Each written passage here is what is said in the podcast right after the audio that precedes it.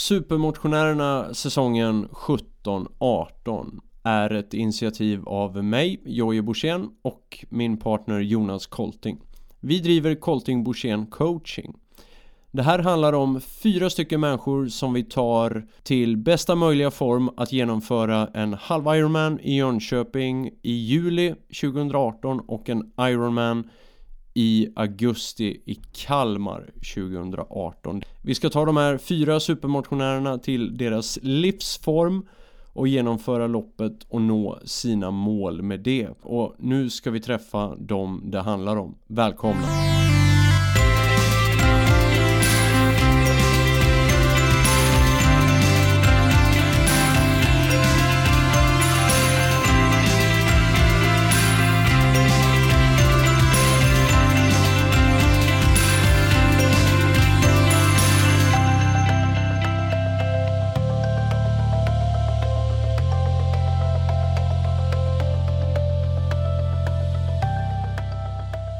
En spännande människa som vi valde ut till att bli supermotionär eh, 2017-2018 är Peter Felén.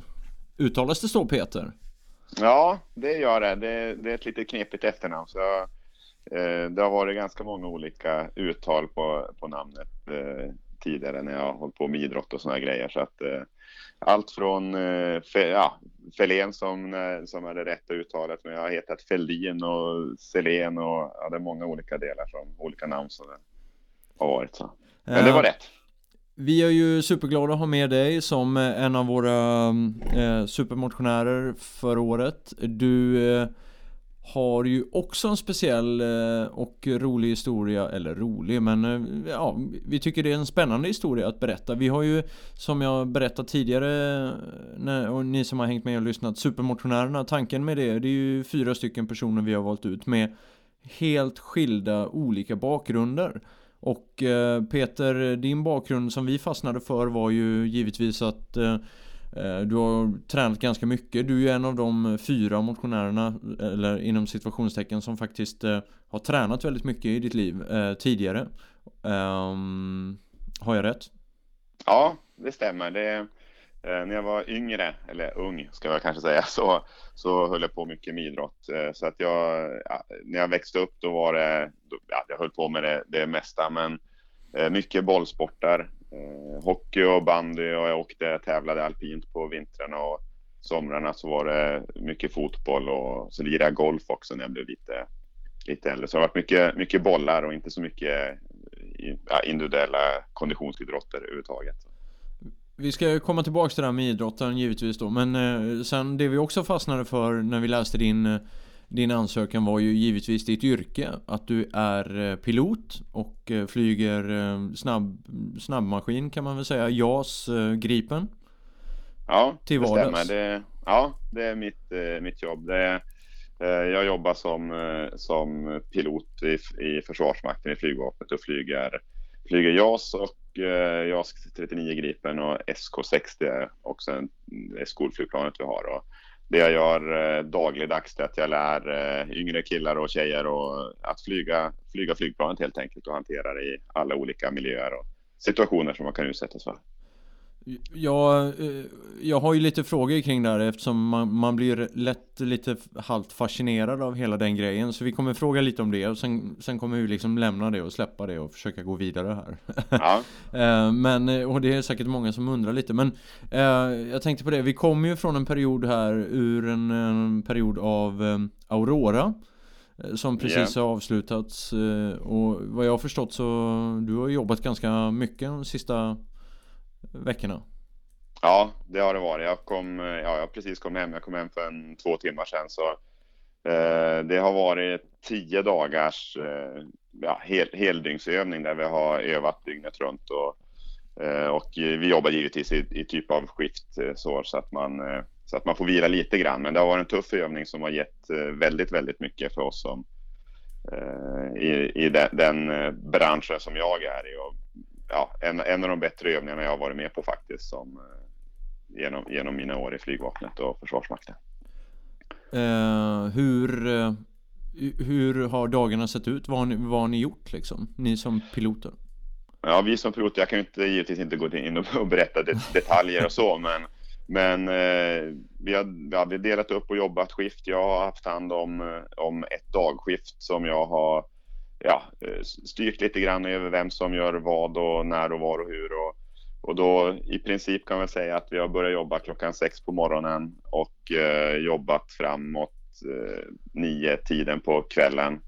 Eh, väldigt mycket beredskap när man sitter påklädd antingen i flygplanet eller utanför flygplanet och beredd att starta när, när det krävs. Och, eh, ja, scenariot har ju varit ett, ett, eh, att Sverige blir angripet av ett annat land och det börjar med ett fredsscenario som, som sen utvecklar sig till ett, eh, ja, ett icke-fredsscenario. Och, så att det är väldigt, väldigt bra. Man övar alla funktioner och riktigt, riktigt kul är det för oss när man, man utsätts för situationer som man inte har eh, man vet inte riktigt vad det är som kommer hända. Ofta när vi övar och så, så vet vi att det är en viss målsättning vi har med en, en typ av övning. Men eh, nu, är, nu testar man hur alla funktioner, ja, hur allting funkar och vad som inte funkar. Det är det man också vill hitta de, de delarna som vi inte är jätteduktiga på. Men eh, allting har funkat väldigt, väldigt bra eh, under den här övningen.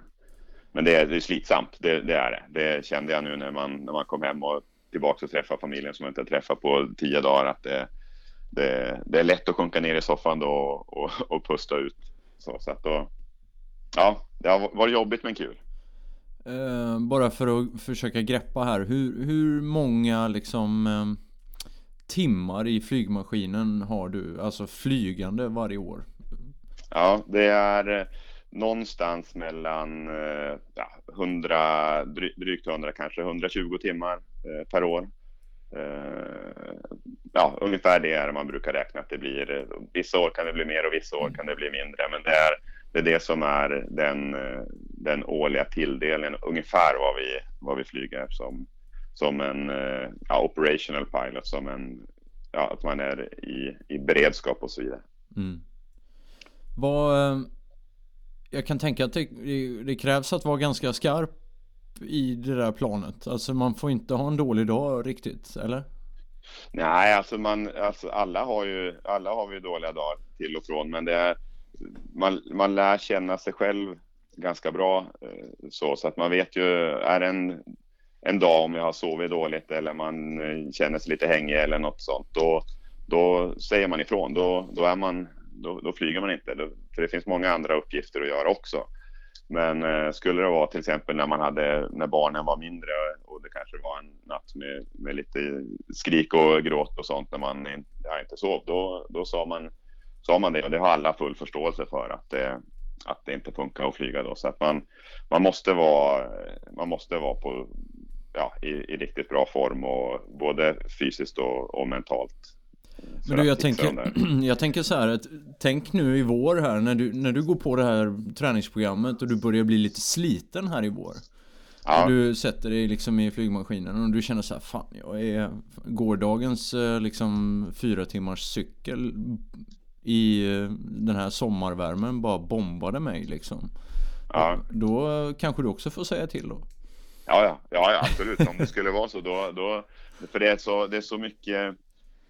Alltså säkerheten är, är det allra, flyg, flygsäkerheten är det allra viktigaste. Eh, så att det, det skulle, skulle det vara så så skulle jag säga ifrån. Men sen samtidigt så kommer jag, jag kommer ju inte sätta mig och köra ett fyra timmars pass i, i sommarvärmen om jag vet att jag ska flyga ett, ett om jag flyger efteråt. Så att, nej, nej, eh, det, det, blir lite grann så. Det, det har man lärt sig av jag har varit i flygvapnet. Jag började flyga 1999 så jag flyger nu i 18 år. Eh, och då, då lär man sig vad, vad som funkar och vad som inte funkar. Eh, jag går inte att köra ett, eh, ett tufft gympass innan jag ska flyga till exempel. Eller, så jag brukar alltid försöka hålla mig till att, att träna alltså på slutet av dagen efter, efter när man har flugit klart och så. så att, ja, för att palla med, för att orka helt enkelt för att, för att greppa hur snabbt det här går då när ni flyger, för de här maskinerna går ju ganska fort. Om du skulle flyga Sveriges längd ja. i en, ehm, ja, en, en snabbfart, jag vet inte om man kan maxa ja. dem där, men hur lång tid skulle det ta att flyga Sveriges längd? Ja, man, eh, som till exempel nu när vi, när vi eh, har övat under den här övningen så eh, jag är baserad på Såtenäs och flyger jag från Såtenäs, ja, det ligger vid, vid Vänerns södra del norr om Göteborg mellan Trollhättan och Lidköping. Om jag åker, startar härifrån och åker ut till, till Gotland till exempel så tar det väl ja, så runda slängar 20 minuter och då är det inte högsta fart och då maxar jag inte utan då flyger man under ljud. För om man skulle ja, gasa fullt då skulle, det, då skulle man flyga överljud. och i samband med det då blir det sådana här överljudsbangar som du kanske har talas om och då blir det, kan det bli, då kan det hända grejer på backen. Då kan det gå sönder fönsterrutor och, eh, och så. Så att det, det gör vi inte över, över land så särskilt ofta. Men över hav så kan vi flyga överljud och, och så. Men, men det, går, det går undan. Eh, man transporterar sig ganska fort. Överljud är alltså, vad är gränsen här? 700-800 km i timmen? Eh, nej, det har lite grann att göra med vilken höjd man är på. Men på på marknivå så är ljudets hastighet ungefär 1200 km i timmen, 1150. Så att eh, det är inte ovanligt om man flyger och man, man mäter ju hastigheten i, i Mach säger man då, så Mach 1,0 det är ljudhastigheten. Just. Så att på mark, marknivå då så, så flyger man, kan man flyga med Mach 09. När man säger att, det är, att man flyger med Mach 09 då är det eh, ja, ungefär 1100 km i timmen. Så då, ja, då, då, går det undan. Då går det undan. Eh, då går det undan. Men eh, det där är ju givetvis väldigt spännande. Men eh, min fråga till dig nu, när du har en sån spännande vardag och Eh, givetvis väldigt mycket utmaningar där i ditt yrke och sådär. Var, hur kommer det sig att du sökte till eh, supermotionären?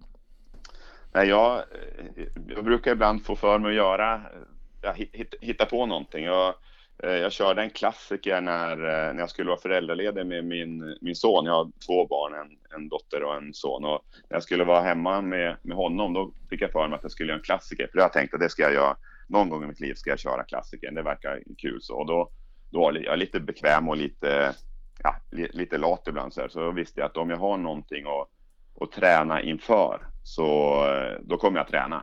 Och då gjorde jag det. Och det var kul att prova lite olika olika grenar och olika saker som jag, ja, som jag aldrig hade gjort tidigare.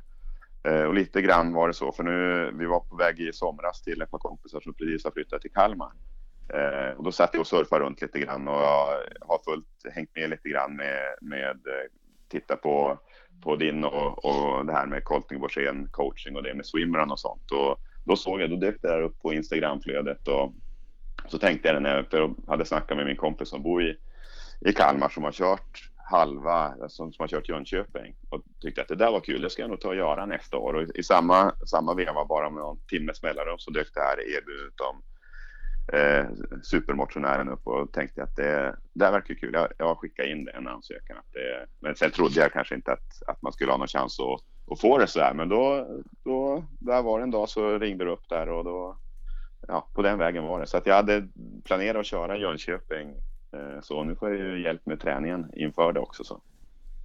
Ja. Det blir bra. Ja, spännande. Vi, eh, vi har ju lite förhoppningar på dig att vi ska få dig under fem timmar här i Jönköping. Um, så att uh, vi, vi kommer ju ladda på lite här. Du kommer ju givetvis träna precis som alla andra adepter med uh, samma program. Uh, som du, du får modifiera i din vardag. Och hur du får pussla ihop det själv. Men alla supermotionärer tränar ju precis som med adepterna i programmen. Sen får man ju pussla lite då. Eh, berätta lite om alltså, dina skills vad det gäller just eh, triathlon. Eh, om vi börjar med simningen. Eh, vad är du där någonstans? ja, eh, fem, ja, eh, jag reagerade lite på fem timmar. Det lät ganska snabbt. Men eh, ja, simningen så jag har eh, inte simmat i unga dagar. Jag gjorde lumpen som ytspärr och det var första gången som jag, ja, som jag simmade lite grann så. Eh, men sen gick jag, när, det var i samma veva också som jag var föräldraledig, så gick jag en sån här vuxen, vuxen simskola, crawl, eh, frisims. Eh, ja, och då, det var jätteroligt. Då lärde jag mig eh, från att kunna simma typ 25 meter och vara död efteråt med helt slut i hela kroppen. Så under den där vuxensimskolan på, med Trollhättan simsällskap där så, så ja, då blev det ungefär som med löpning. Jag kunde, jag kunde springa, alltså gå fast i, i springning då så att eh, eh, ja, köra voltvändningar och andas eh, så här tretaktandning kanske heter och kunna simma en timme om jag vill eller simma 20 minuter så att eh, simningarna eh, funkar. Jag är ingen, inte snabb men jag kan nog simma så långt, eh, så långt jag vill höll jag på att säga. Ja, ja. Eh, så det, men eh, ska man få upp lite fart och så då krävs det ju teknik och den, den har jag nog inte direkt. Nej, men du kommer ju också komma på simcamp och vi kommer ju du kommer ju få blotta dig här inför världen, dina sim, ja. simkunskaper. Så får vi se hur illa eller hur bra det är ställt. Ja. Så småningom. Ja. Cykling då, vad, vad känner du för det och vad ligger du till där? Eh, cykling, jag, jag körde ju som sagt var en klassiker, men det, det är ju nästan preskriberat kan jag säga. Det var ju för, kan det vara, sju, åtta år sedan eller någonting sånt. Det är nog mer kanske, åtta, nio år sedan. Eh, och då, då cyklade jag lite grann inför det, men inga långa. Då cyklade jag en gång så cyklade jag 10 mil eh, inför, inför Vätternrundan och så cyklade jag den då 30, 30 mil där runt Vättern. Men eh, en, en del har jag cyklat, men inte särskilt mycket. Eh, så jag har en eh, en racerhoj som har hängt i garaget eh, den senaste tiden. Men jag plockar fram den lite grann någon gång. Så att, men det, det tror jag nog att det är skridsko, gamla skridskoben från banden och hockeyn som, som jag kanske har lite hjälp av. Hoppas jag. Och så sist löpningen då? Hur ja, känns det? det? Ja men det känns det. Som, jag, jag spelade ju bandy på ganska hög nivå när jag var yngre och då då var det mycket liksom försäsongsträning. Då, det var mycket intervallträning och vi sprang mycket. Och det var, var men oftast kortare sträckor. Det var inte, ja, train as you fight säger vi i Försvarsmakten och vi eh, sprang aldrig långa sträckor. Vi sprang nästan aldrig milen och sånt, utan det var en kilometer i högt tempo eller tre kilometer för att efterlikna eh, ja, matcher, att det skulle vara ganska matchlikt. Eh, så eh, sen efter banden, när jag slutade med banden, då tyckte jag det var ganska tråkigt att springa. Eh, men inför klassiker då började jag springa lite grann men föll ganska snabbt in i det som det var när jag, jag tränade mycket. Då kollade jag, det var mycket titta på klockan och eh, samma runda varje gång för jag visste att där borta ska jag vara, då ska det gå 10 minuter och 23 sekunder och nästa sväng där borta ska jag ha 15 och 28 och, och så här. Det, då var det inte så kul att springa men det var en kollega som som tog med mig på, på, ut, i, ut i skogen på, stack ut och sprang i, i pratjogg kallade han det. Så att vi sprang och ganska långsamt och han sa att det är ingen, vi ska inte ut någon viss sträcka utan vi ska, vi ska vara ute i en och en halv timme. Så ska vi jogga, så stannar vi efter en halvtimme och snackar och stretchar lite grann och så springer vi en halvtimme till och så stannar vi och, och käkar en chokladbit och så springer vi en halvtimme till och, och det kände jag, det, det passade mig. Det var, det var klockrent och då tack vare det så började jag tycka att det var roligt att att springa igen. Så att jag har väl sprungit lite grann så. Och, så att jag har, ja, jag kan, kan, det går kanske inte så jättefort men jag kan, jag kan hålla igång en, en bra stund så här tror jag. Så att det, det funkar tror jag. Och eh, vad, vad, tänker du en halv Ironman eh, som vi då ska coacha dig inför? Och, visst, var, var det så att du anmälde dig till Kalmar också, bara, bara farten? Ja, det gjorde jag. Jättekna, jätteknasigt. Ja, det... Ja, det, det, det bara blev så. Nej, men jag tänkte om jag nu tränar till en halv Ironman, för mm. då, ja, då kommer jag nog aldrig någonsin mer vara så tränad som jag är då för ett triathlon. Och då kanske, ja, kan det gå av bara farten så kan man, kan man genomföra och inte sikta på någon speciell tid eller någonting sånt, utan bara, bara ta sig runt. Och jag vet, det är ju, det är ju väldigt, väldigt långt. Jag har en, en grym respekt för ett Ironman och det är lik, likadant med det som när jag det är en sån här grej som någon gång i mitt liv ha, skulle det vara kul att göra det, men det känns eh, väldigt, väldigt eh, stort. Eh, och då tänkte jag, nej men om jag, som sagt var, nu när jag får hjälp med träningen till ett halv Ironman eh, så kanske jag, jag kan passa på. Så vi får se, hoppas. Det. Vi tycker ju du har gjort helt rätt. Jag menar, du, du kommer ju få en superfin grund att stå på och efter Jönköping så kommer vi givetvis hjälpa dig eh, så att Kalmar blir en eh, fantastisk upplevelse. Det är ju mer att du behöver um, jobba på lite längd helt enkelt ja. i din träning och, och, det kan du ju plocka upp under, under sommaren när man kan cykla och simma i sjöar och sådär på ett annat ja. sätt. Så att, nej men vi, vi supportar dig fullt ut i, i den lilla galna Eh, galna idén där. Eh, så det, det var bra, bra initiativ. ja, tack, det, det kändes lite, lite läskigt faktiskt att kryssa i den där anmälan till, till både halva och hela den. Men då, ja, en, en eh, väldigt eh, supportande fru som tyckte att det är klart du ska göra det. När du ändå tränar för en halv så kan du väl lika gärna köra en, en hel också tyckte hon. Så att då, det var det som, som gjorde att jag, att jag satte i krysset på den rutan. Men eh, du Peter, hur eh, i ditt yrke och det du har och sådär eh, gör till vardags, hur, hur kommer du pussla ihop träningen? Våra program är ju skrivna så att man får ju välja själv när man tränar vad så att säga. Vi har inga fasta dagar och sådär. Hur, hur ser det ut med liksom kan du träna, mm, ni har ju troligtvis väldigt fina anläggningar på jobbet och sådär som ni kan nyttja. Ja, det är, vi har ju som officer i, i Försvarsmakten, då har man ja, man, man, bör och man ska ha möjlighet att träna tre timmar i veckan på arbetstid.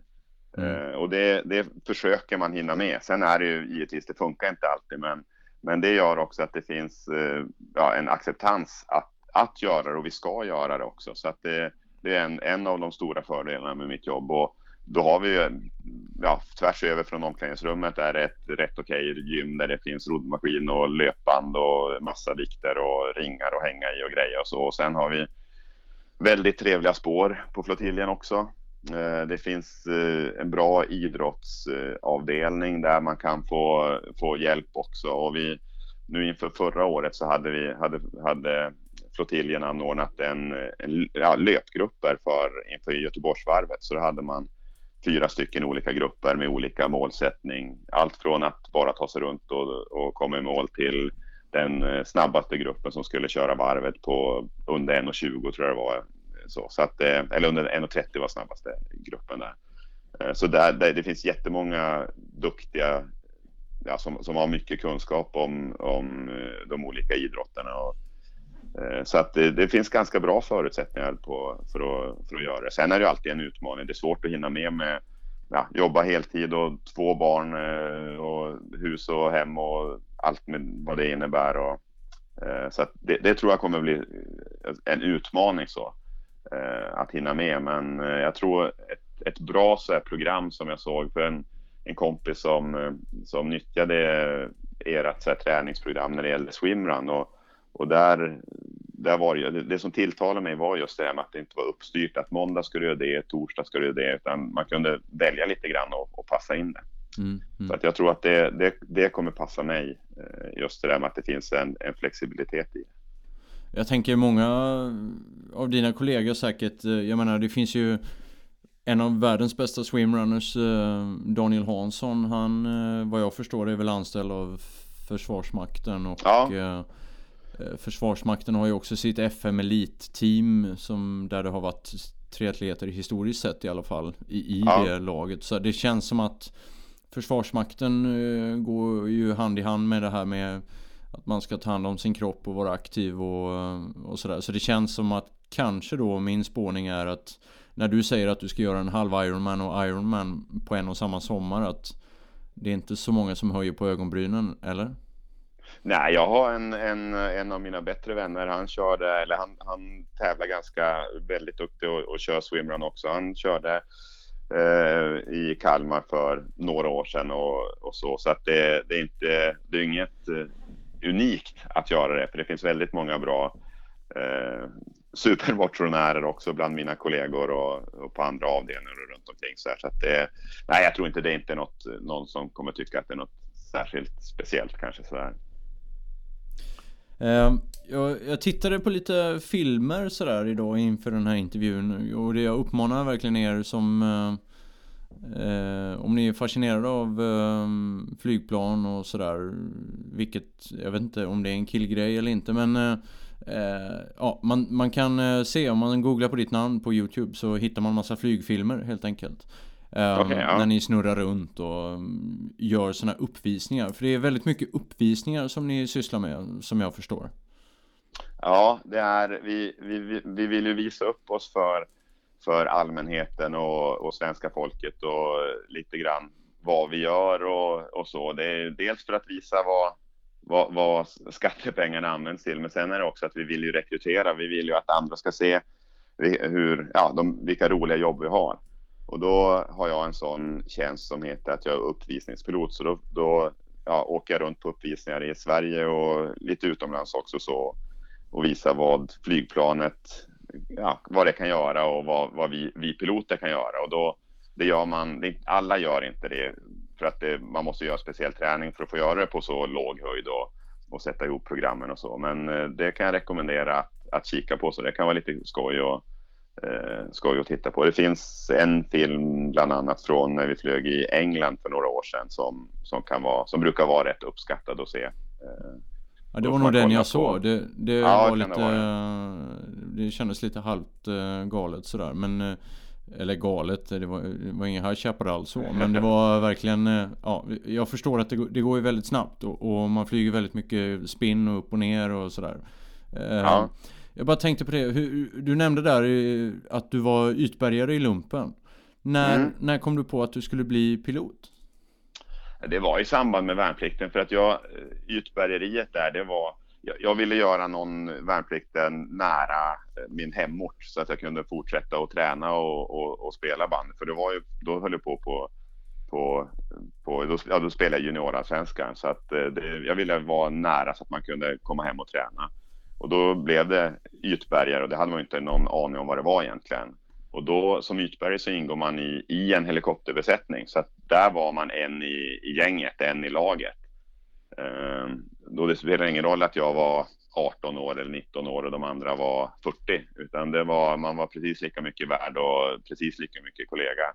Och jag gillar det där för att jag har ju som sagt alltid hållit på med lagidrotter och gillar den där, den där stämningen. Eh, och då, då tyckte jag att ja, men det verkar vara ett riktigt kul jobb att jobba i Försvarsmakten och, och så. Då var det många av de eh, piloterna på helikoptrarna där var före detta ja, stridspiloter. Och då sa de, ja men det är klart du ska söka, att det kostar ingenting och man har liksom ingenting att förlora. Eh, och på den vägen var det, då sökte jag och så fick man ju vänta lite grann eh, och göra testerna och så tog det något år och så gjorde nu, nu går testerna ganska fort att göra, men jag passade på att plugga lite grann under tiden. Och, men sen så gjorde jag testerna och allt gick bra och så blev jag antagen och tyckte att då ska jag prova på det och, och se hur det är. Eh, och, och jag fastnade direkt. Det, var, det är världens bästa jobb. Det är grymt kul alltså. Vad är, vad är det svåraste med ert yrke? Eh, det svåraste är nog just att det är, eh, det är så varierande. Att det, det går inte att lära sig allting. Man utsätts för situationer där, där ibland är det viktigt att fatta, fatta rätt beslut och då, då måste man ta tid på sig och, och, och tänka så att, man, så att det verkligen blir rätt. Och ibland är det viktigt att man fattar ett beslut men att, att man fattar det snabbt. Och då kanske inte är viktigt att det ska vara exakt rätt men att det måste gå väldigt, väldigt fort. Eh, och just den här den komplexiteten som det kan bli när, när man inte, man kan inte vara förberedd på allting. Uh, och det, jag tror att det är det som är det svåraste, att, att fatta beslut på de grunderna man har. Mm. Uh, det, det, tror jag nog att är det, det som är det svåraste. Sen är det, alltså det finns ju många grejer som är svåra som man kan peka på liksom direkt att ja, när det är när man flyger en viss typ av uppdrag, då är det jättesvårt. Uh, därför att och så är det massa faktorer så. Men jag tror generellt sett så är det just det med att det, det är en så komplex, eh, ja, komplex situation man sitter i. Och, alltså att man kan sitta i, i komplexa situationer som gör att, att man måste fatta beslut på, på grunder som man inte riktigt, man, man är inte utsatt för situationen tidigare helt enkelt. När eh, är du rädd? Eh, jag är nog aldrig rädd när jag flyger. Det, det, det, har varit några tillfällen när det har varit lite läskiga situationer och så, men, men just i den situationen då är man inte, då är man inte riktigt rädd, utan det, det kan vara efterhand kanske när man funderar på vilka konsekvenser det hade kunnat bli. Eh, så man kan känna att eh, men det är inte riktigt rädsla utan det är någon annan känsla. Att man, det är nog mer respekt tror jag för, eh, för situationerna och för, för den ja, den, den världen vi lever i ibland så. Eh, men eh, visst är man på väg att krocka med en fågel i, när man flyger i 1000 kilometer i timmen på 20 meters höjd över, över havet och det svischar förbi en, en stor mås fem meter från huvudet. Det är klart, då, då blir man ju rädd. Men det är inte, det är aldrig så att jag sätter mig eller på väg in i flygmaskinen och tänker och känner att jag är rädd för att utföra ett uppdrag. Det, det är jag aldrig. Eh, kommer du ihåg känslan första gången du satte dig i en, en JAS 39? Var det den första efter utbildning sådär? Vilket, vad sätter man sig i för maskin först och flyger upp? Ja, det, det, man gör är att man börjar flyga FK60 som är eh, ett tvåsitsigt, eh, det kan vara fyrsitsigt också, men ett tvåsitsigt flygplan och då har man med sig en lärare som sitter, man sitter side by side, man sitter bredvid varandra. Mm. Och då, det är ju en väldigt gynnsam utbildningssituation. Man kan titta på varandra och man kan visa och, och så. Men när man flög första gången själv i det flygplanet, då var det ju väldigt, eh, väldigt konstigt. Jag kan tänka mig att det är likadant. Det är likadant som när man övningskör och första gången kör själv och inte har någon, någon bredvid sig. Men, men just den här dimensionen att man har, eller att man har tre dimensioner, att man kan röra sig helt fritt i rymden. Det är en, en speciell känsla. Och sen eh, det som jag kommer ihåg mest, det var efter, efter jag flög, man flög SK60, så tidigare så jag hade, jag hade förmånen att få flyga Viggen också. Ja. Eh, och den Viggenflygplanet är, eller var och är lite större och större motor och allting var, var mycket, mycket större. Men att klättra upp i det flygplanet och sätta sig själv där. Eh, så där, där hade vi givetvis också två sitsar flygplan som man började i. Men, men första gången jag flög själv i, i det flygplanet, det var en, det är en sån känsla som jag kommer ihåg. Just det där med att det kändes, eh, det kändes så jäkla mäktigt eh, och sitta där och när man klättrar upp för stegen så är det när man tittar ner så känner man att eh, nu får man hålla, hålla i sig ordentligt här för trillar ner här då kommer jag kommer att slå ihjäl mig. och så sen så helt plötsligt så sitter, sitter jag där helt själv och, och spakar det där flygplanet. Det, en, en, ja, det känns som en overklig känsla men, men sen blir det också en, en vardag. Det, så är det alltså. Mitt jobb är som vilket annat jobb som, som helst nu. Att jag kan eh, ja, jag, jag reflekterar inte jättemycket över det dagligdags och att det är ett, ett eh, coolt och häftigt jobb utan det, det, man vänjer sig vid det också. Du, eh, jag tänkte fråga dig, hur många i Sverige eh, kan flyga JAS 39 Gripen? Ja, jag, exakta siffror hur många som är som, som kan och beroende på vilken status man är men jag kan gissa att det är väl mellan eh, 200-300 kanske. Det kan vara sådana som har flugit tidigare som, som ja, inte flyger längre, men i, rent principiellt kan de flyga. Sen finns det säkert en massa kids ute i stugorna som kör eh, flygsimulatorer som skulle kunna hantera det ganska bra också.